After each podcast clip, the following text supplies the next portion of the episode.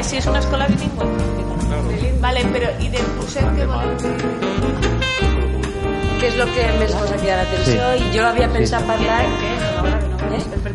perquè l'hem fet i jo pensava parlar del que a partir d'ara què anem a fer o sigui, que és comprar el material formar un poquet les Sí, no, però és Tu- tipo tu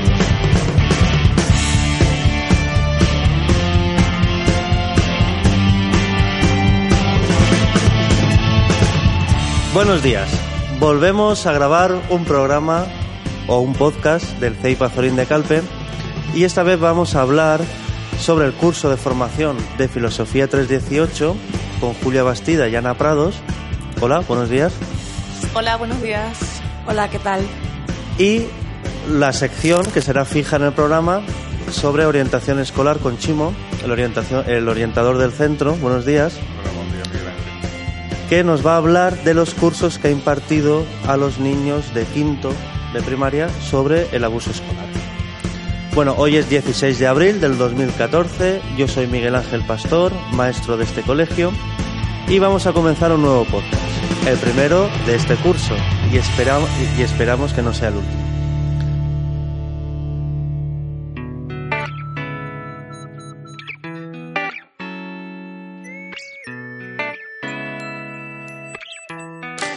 Bueno, estamos ahora en mitad de las, o ya al final de las jornadas culturales.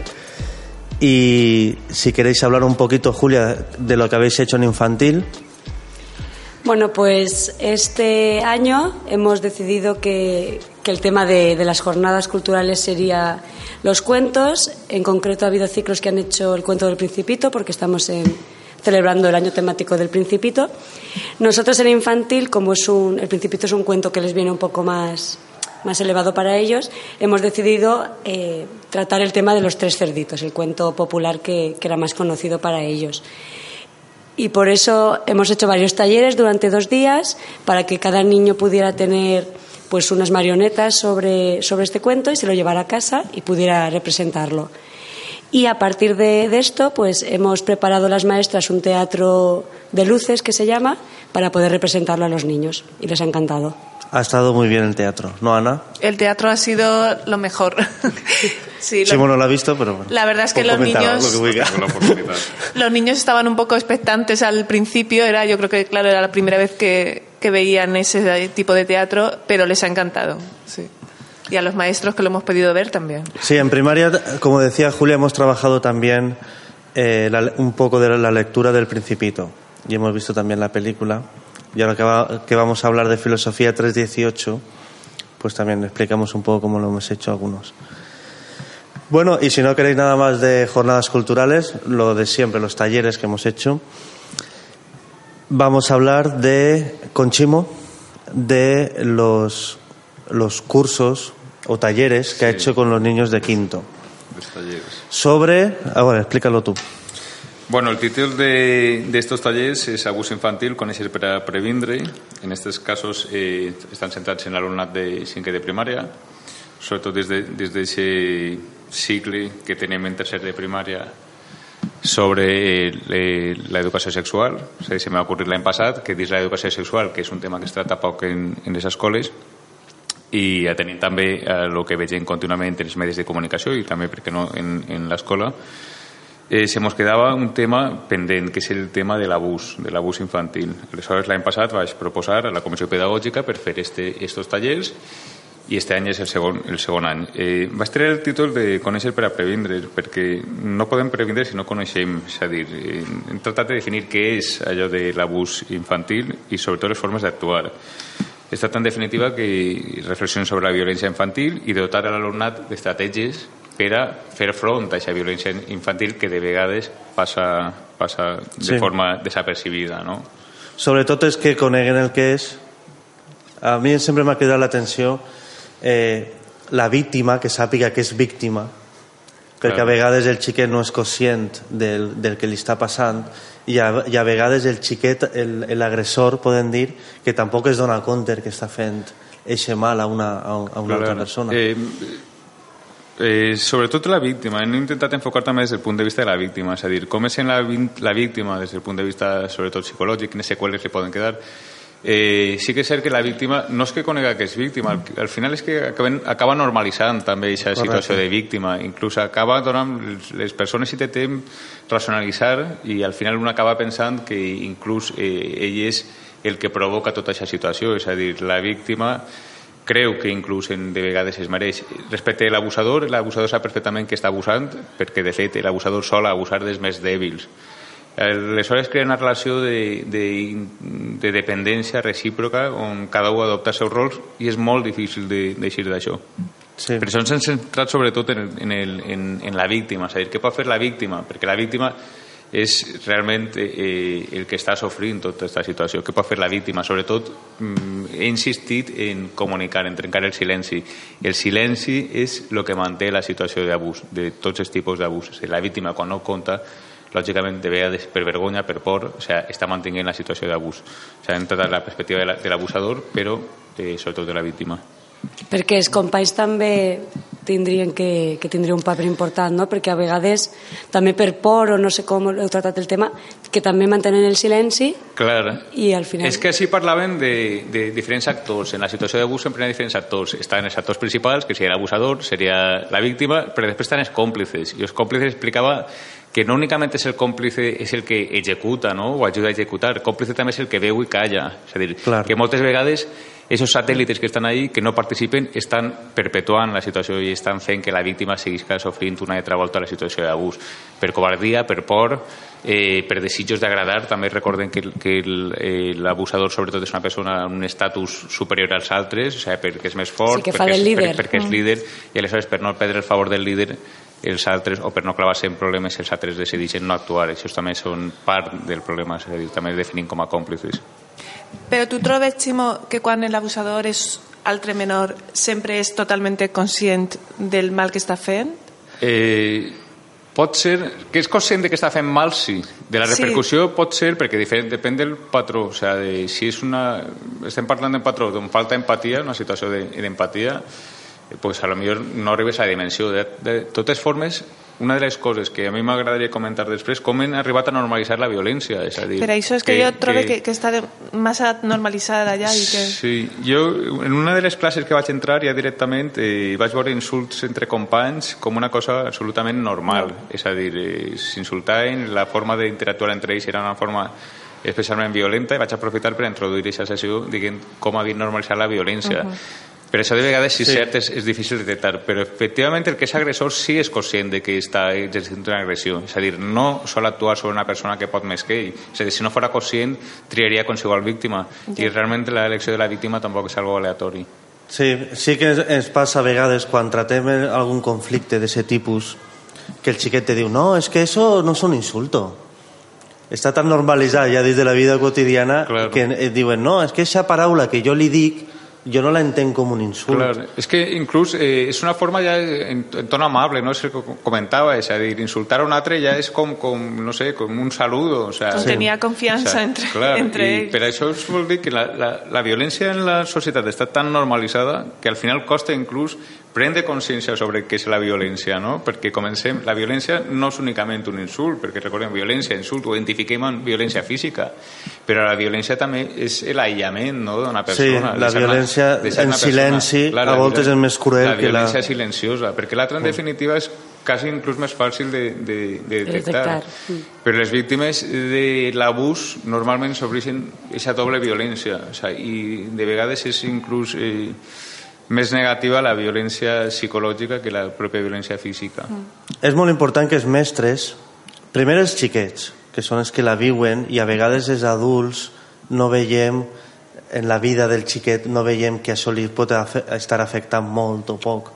Però primer que el xiquet tinga ferramentes per a, sobretot, de saber demanar ajuda i com, i després que els adults, els docents, sapiguem interpretar i veure clar esos signes que a vegades se mos passen. Eh, diu, no, això és qüestió de xiquets, no, és que es juguen així, Claro. i, I moltes vegades ens escapa el, Jo una, una de les coses que tinc pendents fer en l'escola, o sigui, perquè sempre tenim tantes coses que, que fer que al final pues, podem fer un poquet de cada, sí que és fer una campanya de sensibilització als docents, és a dir, realment eh, la violència escolar, l'abús entre iguals, no és una cosa de xiquets, també els pares, o sigui, que els pares Clar, no, ese seria l'últim pas. sí- símptomes. Aleshores, en el meu programa educatiu d'este any sí que el portava, però eh, ens hem quedat una xicoteta a part. Jo espero que, que cara al curs que ve també en la col·laboració del professorat, perquè la violència no únicament es produeix dins l'escola entre alumnes i alumnes, també entre alumnes, eh, professors, professors entre si, pares pares, eh, professors, és a dir, que tenim moltes dimensions que analitzar i hem de prendre sí. tots consciència, és a dir, no únicament l'alumne és el que presenta el problema, el problema de vegades, inclús en la pròpia convivència escolar, la presentem un altre tipus de violència. Lògicament, la violència adulta és diferent, però els mateixos companys de feina de vegades també es comporten de forma violenta, no violència física segurament ni violència eh, verbal, però sí també altres formes de violència. Sí. Per això comentava com tenen tan instaurada i, i la violència i possiblement perquè no sapiem exactament el, el que és. I una cosa, Ximo, tu penses que estos tallers es podrien extrapolar a cursos més inferiors o, Sí. o és convenient treballar-los en tercer No, eh, realment eh, tot és adaptable. La, com he dit abans, el programa de, de prevenció de l'abús, o sigui, perquè així hem inclòs per una part eh, en un mateix taller el que és l'educació afectivo-sexual, és a dir, l'abús sexual en tractat o l'abús a través de les redes socials, també de tipus sexual, però també l'altre tipus d'abús, el maltractament normalment eh, entre iguals, eh, l'assetjament escolar no és un assetjament de tipus sexual.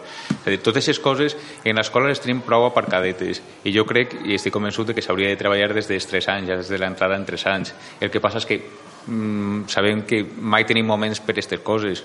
Val? Mm. Sempre és un poquet difícil introduir i de vegades el volem introduir d'una forma artificial no cal introduir d'una forma artificial forma part del, curi, del Sí, en el moment de que Clar, un que no siga sols de un, curs, tra- un curset d'una setmana, una vegada al curs, sinó que A, siga... a mi em cridava l'atenció l'altre dia, justament, eh, després d'estos tallers, que va ser una notícia que de, ve- cada vegada són més els adolescents que estan abusant dels seus parelles, o sigui, fent maltractament Sí. a les seus parelles. És a dir, com estos xiquets que són una nova, pares. una nova Sí. generació, o sigui, realment s'està produint aquest tipus d'abús. Què estem fent mal, no? Aleshores, els mateixos docents i pares també t'haurien fer aquesta reflexió. Què estem fent mal per a que això estiga pujant? És a dir, eh, per què uns adolescents estan abusant dels xics de les seues... Eh, Sempre m'ha resultat curiós que com més eh, eh, tens, Preparada.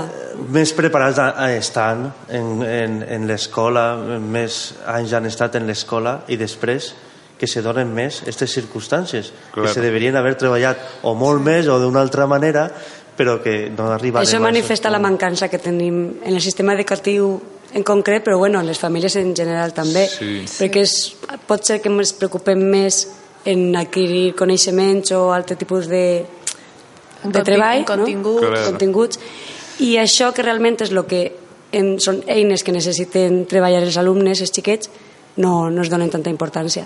I el que diu Ximo de, de no fer-lo artificial, sinó treballar en l'aula quan hi ha un conflicte, eh, donar als xiquets les ferramentes Sí. necessàries Això és un punt de la me- de la mediació. Sí, la mediació, sí. que estan treballant, per exemple, l'Institut l'altre dia media, que està, hi ha una mestra allí que està fent uns tallers de mediació, d'ampliar-lo a altres, així, al centre de primària. Que haguera eh, professionals del centre que saberen com treballar la mediació per evitar tots aquests conflictes que a vegades el, el, el docent no sap tratar-los. I jo el que intento treballar en classe en els meus xiquets menús, que porte 4 anys, és un poquet el tema de la empatia, de posar-se en el joc de l'altre, perquè només pensant com se sentiria una persona si li feren això, jo crec que s'evitaria. Però directament és el que parlem, que no, no es posem en el joc de l'altre i els més forts s'aprofiten de, dels més febles. Però al final, i... Julia, veus com són accions possiblement aïllades, és a dir, depèn de la voluntat de, de, d'un mestre. I jo crec que, que per a fer... Em pareix molt bé el tema de la mediació, però si els mateixos docents no prenguen consciència de que això és un problema que hem d'abordar, que hem de previndre, realment qualsevol mesura que fem tampoc serà eh, efectiva. Hem de fer una mesura més global, primer creure en nosaltres, tras saber transmetre-ho a la família i que entre tots puguin lluitar, perquè realment la violència és una, una, una lacra, no? i al final la víctima és la que està patint i inclús els docents, quan parlava antes de, dels còmplices, eh, si els docents si no fan res, també tenim aquesta part de culpabilitat, no? aquesta part de, de ser còmplices d'aquestes situacions. Sí, és que jo trobo que el, el tema està primer de tot en, en això, en, en prevenir. Perquè si, si tu prevens sempre és més fàcil que, que actuar després. No esperar a, a mediar en el conflicte, sinó que els xiquets sàpiguen que, que no, que la violència no és una cosa que, Claro. que es el día a día, que es algo que debe ser muy excepcional y que no debe, no debe estar bien visto. Claro, però es dona en compte la alta tolerància que tenim a la violència, és a dir, no únicament en l'escola, sinó fora de l'escola. O sigui, els mitjans de comunicació es envaeixen contínuament en imatges hiperviolentes, en pel·lícules, en videojocs, i realment eh, acabem immunitzant-nos, és a dir, el sofriment de l'altre realment ens importa de vegades menys, no? O sigui, si pillam molt, molt a prop dins de la teva família, des del cercle sí. més pròxim, sí que eres capaç d'empatitzar, com dia Júlia, no? Però el sofriment de l'altre és com que es queda mm, més lluny, no? Jo crec que un problema de base és això, que normalitzar tot tant que, que al final pues, acabem pensant que determinades conductes són normals, no ho són en absolut. Teniu algo més o voleu... Bueno, jo, jo volia aprofitar no, lo de, per enllaçar una miqueta en el, en el curs que, que van fer de Filosofia 318, que, que a lo millor és també una, una eina de, de treball, eh, este tipus de, de filosofia, per Sí, a que perquè els xiquets es plantegen sí, es plantegen situacions. esas situacions en les que poden trobar-se o poden trobar a un, a un company.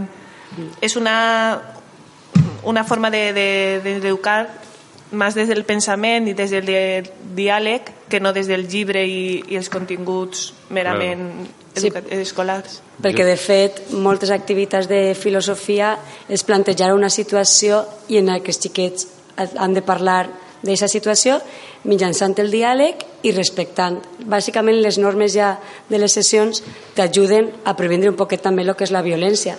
Eh, respectar l'opinió de l'altre, eh, no riure, tot, fer aquest tipus d'actitud que poden ajudar en, en lo que és el tema de la violència escolar. Sí, totalment d'acord. És que el que comentàvem abans, que les coses han de, ser més globals. L'escola no és simplement un transmissor de, de coneixements. Hem de fer un abordament més global de tot, sanificar-ho en un currículum molt més transversal, molt més obert, molt centrat en les necessitats de, de, dels nostres alumnes, que en definitiva pues, són els adults del segle XXI, no? Eh, però, clar, repetís que hem de prendre consciència del que estem fent i el més important per a un docent no és únicament eh, transmetre coneixements, no també reflexionar sobre allò que estem fent i allò que volem fer, sobretot. De tota manera, jo crec que això, Miguel Ángel ens portaria també a una, a una sessió un monogràfic mm, de reflexió, Sí. no? O sigui, que seria, seria molt extens. Jo totalment És un tema que parlàvem abans que dona molt de sí. Bueno, to, la- pràcticament tots els temes que anem a tratar donen molt de sí. Mm. I si voleu ho deixem per acabat aquesta qüestió i passem a l'altra perquè no volem fer programes molt llargs No. perquè si no es cansem massa No, però veiem que el, te el tema és un tema que, que, Sí. que dona de sí i possiblement pues, més endavant també algun pare pot col·laborar amb nosaltres i veure quina també és la perspectiva, sí. perquè en definitiva estem parlant Sí. d'una perspectiva de gent que es dediquem a la no ho cosa. he dit al principi a lo millor torna a gravar una altra presentació perquè el que, el que es, es tracta un poquet d'això és que col·laboren eh, eh, persones externes, professionals externs al centre que vinguen familiars i sobretot que participen alumnes que puguen vindre així, dir les seves opinions o fer alguna lectura eh, que, que participen tots des dels docents fins a eh, tota la comunitat educativa. Esa és la idea d'aquest programa i, i anem a intentar eh, promocionar-lo entre tots per a que eh, puguem participar tots. Passem al curs de Filosofia 318 que és un curs que hem fet dins de la formació dels centres i si, si vos pareix escoltem primer la mini entrevista que li van fer a, a Glòria que ara parla, ara ella es presenta i coneixereu qui és eh, una, una persona molt interessant i molt formada i després comentem el curs d'acord? Molt bé. Sí. Estamos con Gloria que queremos que se presente ella y así sabemos que, que es Muy bien. Bueno, mi nombre es Gloria Arbonés, soy formadora, soy profesora de filosofía y formadora del proyecto de Filosofía 318 eh, del Grupo IREF de Cataluña, que es un grupo que lleva adelante Filosofía 318 desde hace más de 25 años. Y bueno, me dedico especialmente a la formación de maestros en este proyecto. Muy bien. En este centro estamos intentando introducir la Filosofía 318, hemos, hace un par de años que estamos empezando. Eh, ¿Por qué crees que es importante trabajar la filosofía en los centros escolares? Es la, la pregunta clave ¿no? de todo esto. Bueno, porque la filosofía mm, en sí misma, por las propias características de no dar respuestas a las cosas, sino al contrario, abrir preguntas, eh, lo que genera es que los niños y las niñas puedan desarrollar su pensamiento y uh, intentar profundizar a partir de sus propias experiencias eh, y en contraste con las experiencias de los demás. ¿no? La filosofía, a diferencia de otras porciones del conocimiento, no tiene respuestas. Entonces, esa apertura eh, genera esa posibilidad amplia y flexible de desarrollar diferentes respuestas dando razones. ¿eh? Eso sí, la filosofía al mismo tiempo que no tiene respuestas es rigurosa. Entonces, lo que se intenta es un trabajo equilibrado ¿no? entre la propia experiencia y la propia opinión y el rigor filosófico. Muy bien, nos ha encantado el, el diálogo filosófico y cómo se trabaja. ¿Cómo explicarías lo que hemos hecho en estas sesiones? Sí. Bueno, eh, la intención de este curso es un curso introductorio para aproximar a la gente que no conoce nada del proyecto, pero también a la que conoce, dar más fundamento a lo que está haciendo y aclarar dudas. Entonces, eh, los cursos normalmente intentan un equilibrio entre lo teórico y lo práctico. Hemos hecho muchas cosas prácticas para comprender la teoría, porque Filosofía 318 es así, es un proyecto teórico-práctico. Solamente leyendo los libros de Lippmann o de otros que han hecho teorías sobre el proyecto no es suficiente si no nos ponemos a trabajar nosotros y a vivenciarlo en, en primera persona. De hecho, algunas de las maestras que estaban ya trabajando con infantil y que han leído el libro y que lo conocen, se han dado cuenta que hay cosas a partir de la práctica que, que a lo mejor no estaban tan bien enfocadas y que entonces es necesario revisar, ¿no? porque la formación a partir de la propia práctica es la más, digamos, la que cala más hondo y permite mm, modificar la práctica luego con los niños.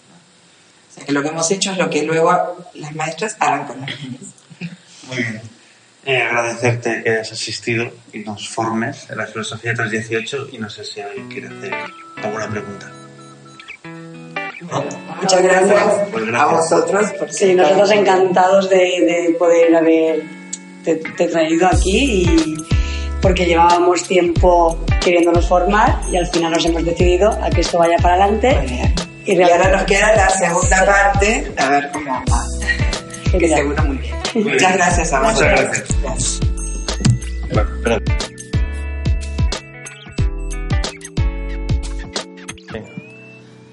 Bé, hem escoltat a Glòria Arbonès, professora de filosofia, un poquet que es parla del que hem fet en el curset. Un curset molt interessant. Ells formen part del grup IREF. Eh, recomane que mireu la pàgina web del grup IREF i el canal de YouTube, on tenen molt de contingut i molt de material. Eh, ahir enllacen també en alguns centres, que va dir ella que en Mallorca treballen íntegrament la filosofia 318 i que eh, estan tenint molt bons resultats. Eh, què voleu parlar de, del curs? A veure, Anna. Bueno, yo es más que nada que pienso que la idea de hacer el curso ha surgido cuando nos hemos ido dando cuenta a lo largo de, de todo el- bueno, los distintos cursos que hay algo que, que no funciona que no funciona al menos como nosotros queríamos como que nos falta algo en, en el sistema educativo.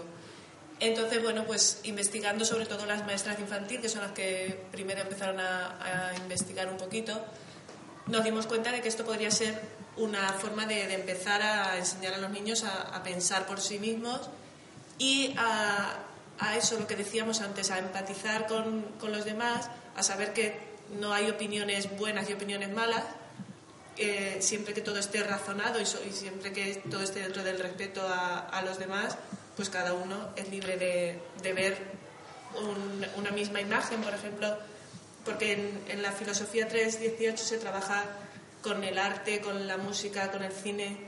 Entonces, pues una misma imagen yo la puedo interpretar de una manera y mi compañero de otra y no por eso... Sí. És que esa és la diferència. Això és el que més me va descol·locar un poc, perquè tu dius, no, no, nosaltres en els centres sí, treballem el diàleg i treballem la tertúlia i sí, treballem el, el fer pensar en els problemes, però no és filosofia. No, porque siempre va un poco guiado. Nosotros lo hacemos Claro. siempre por donde queremos que el niño queremos que el niño llegue a donde nosotros nos hemos planteado. Y la filosofía se trata de que el niño La filosofia va un punt més allà. Sí. sí. En infantil com ho feu, Júlia? Bé, eh, nosaltres l'any passat ja vam començar, eh, Paqui va gravar eh, el curs passat un podcast explicant tot el, Sí, l'anterior o l'altre, i Paqui explicant també molta Sí. informació. Va explicar tota la fonamentació teòrica de, del treball de filosofia en infantil, que és molt important, perquè bàsicament infantil i quasi el primer cicle és com una preparació del camí que han de seguir en la resta de primària i fins i tot secundària, on treballarien el diàleg filosòfic pròpiament dit. Aleshores, el que fem en infantil és treballar les, les habilitats de, de pensament, que estan classificades en quatre grups, que ja Paqui va explicar molt bé, i realment el que fem és intentar desenvolupar aquelles habilitats de pensament que el nostre grup necessita, intentant treballar-les totes, però també basant un poquet si el teu grup ha de treballar més una que l'altra i una vegada tingues pensada eh, l'habilitat que vols aprofundir, treballes pues, una activitat, un conte, una, una, una obra d'art o fins i tot un, un, una pel·lícula. I això és el bo que té la filosofia 318, que hi ha un munt de recursos per a poder treballar, que si tu estàs més còmode treballant en cine o treballant en art o en contes, Sí. pots triar. I el que dia Miguel Ángel de la pàgina de l'IREF, hi ha moltíssimes activitats que proposen altres centres o altres professionals que estan penjades ahí i te dona una visió molt global i una idea per a on pots començar. Són, és una pàgina molt, molt formada, la veritat.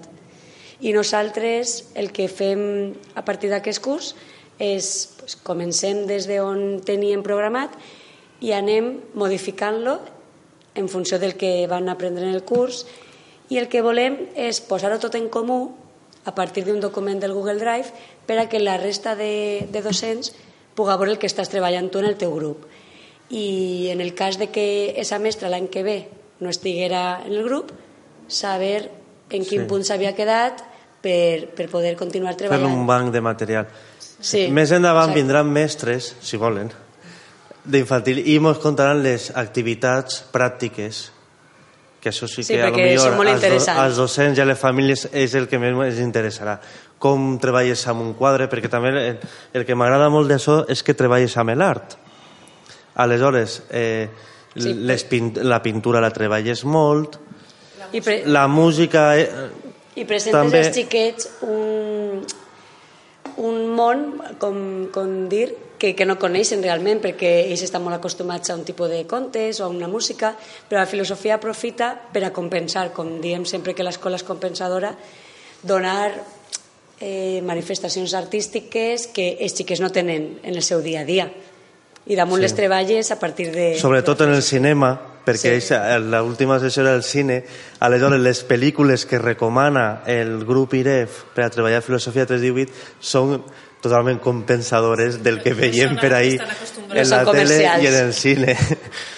I manifesten altres realitats d'altres cultures i, i això als xiquets es dona una visió molt més global. i després me va agradar molt per últim el, la manera d'avaluar. Així. és molt important. Sessió, activitat, avaluació i previsió de següent sessió. Que això moltes vegades ja ho anem deixant per al final del mes o quan acabi la unitat didàctica i no, cada sessió l'has d'avaluar. Què hem fet, per què ho hem fet? Què anem a fer la pròxima sessió? Sí, i a Sí. més és una avaluació que els xiquets participen en ella. Aleshores, eh, cada xiquet ha de manifestar com han, com, però, com però anat tam, sí, i, sobre, i sobretot les, els instruments que utilitza. Sí, perquè és utili- una avaluació figuro analògica.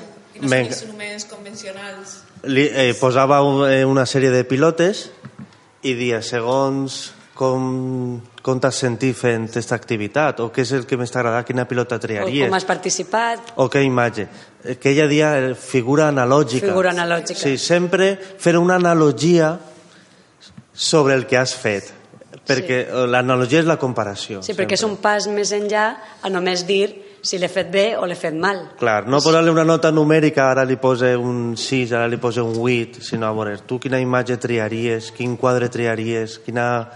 Aquest aspecte és molt important. De fet, eh, l'escola també ha, ha agafat un llibre que tracta només d'aquest tema i Glòria recomanava tindre un banc de recursos per a poder treballar l'avaluació que sempre fora diferent i que a primària els xiquets podien anar avançant en aquesta avaluació. Y algo que también a mí también me resultó importante es que también participan un poco en la programación. Está claro que la programación la, la hace el docente, pero lo que decía Miguel Ángel de cuando acaba la sesión decimos, aquí nos hemos quedado, ¿por dónde vamos a continuar la, la próxima sesión? Però això ho hem parlat sempre molt en les, en aquestes sessions que fem de, de transició, Sí. de eh, quan treballem un contingut i fem un, una sèrie d'activitats, després la valoració, el, el xiquet ha de ser conscient de per què eh, Exacto. fa això. Per què està estudiant això? Això per a què... La vida pràctica, això per a què me serveix a mi? Potser, a lo millor, per a treballar inclús la memòria o, tre o, o fer un solatge de matemàtica que després te permeta ampliar aquests coneixements, Sí, pero que sea consciente però que ell sàpiga sempre i després sempre recollir els objectius principals o el contingut principal i traslladar-ho a, la vida, a la vida pràctica. Jo quan vaig a comprar, com utilitze la moneda o el pes, o si he de mesurar un moble en la meva habitació, que sempre en la, traslladar a la vida pràctica. És que en les sessions de filosofia, des de que comença fins a que acaba, és tot... Tre... Sí, és tot vida pràctica. Els xiquets pues, comença... L'any passat ja ho vam explicar, però comença fent una ambientació perquè els xiquets sàpiguen que van a fer filosofia. No és només una tertúlia o una resolució de conflictes. Hi ha una cosa que ells es fa distingir, això. Hi ha unes normes que al principi estan consensuades entre els xiquets, poden anar evolucionant, i a partir d'ahí treballes l'activitat que pot ser més senzilla en infantil i va complicant-se en primària, però sempre és la mateixa dinàmica. I el que hem pensat en este centre, en les comissions de, de transició també ho parlaven l'altre dia, és que no siga una cosa aïllada, ni que es faça només en infantil, que siga una cosa d'identitat de centre. Que hi hagi continuïtat, sí. De fet, el, el títol de Filosofía 318 es porque es desde los 3 años hasta los 18, entonces no tendría tampoco sentido cortar en infantil o cortar en primer ciclo de, de primaria. I de fet, eh, l'escola jo crec que està formant-se en aquest aspecte, eh, ha adquirit uns materials per a que els mestres puguen tindre tota, tota la informació i en el cas de que fora necessari, en setembre se podrien fer unes, unes xerrades. Parlarem més d'esta metodologia i, i de les... Dona també per a un monogràfic. Sí, dona per a monogràfic com és. Bueno, jo ja et dic, eh, no estic tapat en, en filosofia 318 com vosaltres, però sí que estava fent al- alguna anotació, realment el que comentàveu, que sí que és cert que la- l'escola, el pensament divergent el treballem molt poc, és sobretot Molt un poc, pens molt pensament convergent, no? Yeah. O sigui, és eh, el, el crear versus el reproduir. L'escola encara ensenya molt a reproduir. M'agrada molt també el paper actiu que té l'alumne, definitivament és cap a, eh, per almenys en, en, en esta escola, cap a on volem anar. És a dir, jo crec que la filosofia 318 s'ajusta prou a la filosofia general que volen seguir en el centre. I jo vos anime a que continueu amb aquest entusiasme. I que Jo anime a tots els es- mestres que- que és un projecte eh, molt, molt, molt important. I, de fet, en la pàgina de Facebook de, del grup IREF eh, comentava Glòria que han penjat un, un article en el que descriuen la situació dels xiquets que ja fa un temps van treballar en filosofia 318 a l'escola i com és ara la seva vida i en què moments de la vida pràctica l'estan aplicant perquè ja fa temps que, que van deixar l'escola i estan en la vida adulta. I jo no he pogut encara llegir-lo, però trobo que és un document molt interessant perquè realment hi veus el procés que han tingut aquestes personetes que han tingut el, el sí. plaer o el gust o, o el benefici de, de treballar així i és cap a on volem anar. Esta escola, animem a tots els mestres a que, a que indaguen Sí, en a esta... més en infantil hi ha moltes mestres implicades, implicades, que, la veritat que sí. que això sobretot és el més important. Tenen ganes i és, ara estem formant-nos i és, com dia Glòria, posar en pràctica per a veure quines coses funcionen i quines coses has d'anar Sí, és canviant. adaptar a la realitat de, del nostre centre. Voleu dir més coses? De, No. de què anem a parlar el pròxim programa? Teniu pensat alguna cosa? Anem a convidar però- a més gent. Sí, les xiques d'infantil han de vindre a eh, contar-nos coses concretes que s'interessen a més als docents i a les famílies. A, a mi sí que m'interessaria, però el pròxim tema que estava així, eh, anotant també, eh, l'avaluació, és a dir, com avaluem en, en general, si És realment avaluem eh, com deguem avaluar, i també la, la vida pràctica, que insistim moltíssim en la vida pràctica. Estem ensenyant realment habilitats per a la vida pràctica o estem ensenyant habilitats totalment aïllades d'aquesta vida pràctica, que en definitiva és distint la vida pràctica de, dels- de, l'època on estem a la de fa 30-40 anys. Són, Exacte. són temes migrants que et deixa ahí i que m'agradaria participar en algun debat. No, segur. Fins que passeu bones Pasques, bones vacances, Igualment. i a veure si a, abans de que acabi el curs gravem algun programa més. Segur, Anna pot ser que no, no grave més. Però pot vindre, pot vindre i gravar. bueno, moltes gràcies a tots. I la pròxima. Passeu bé.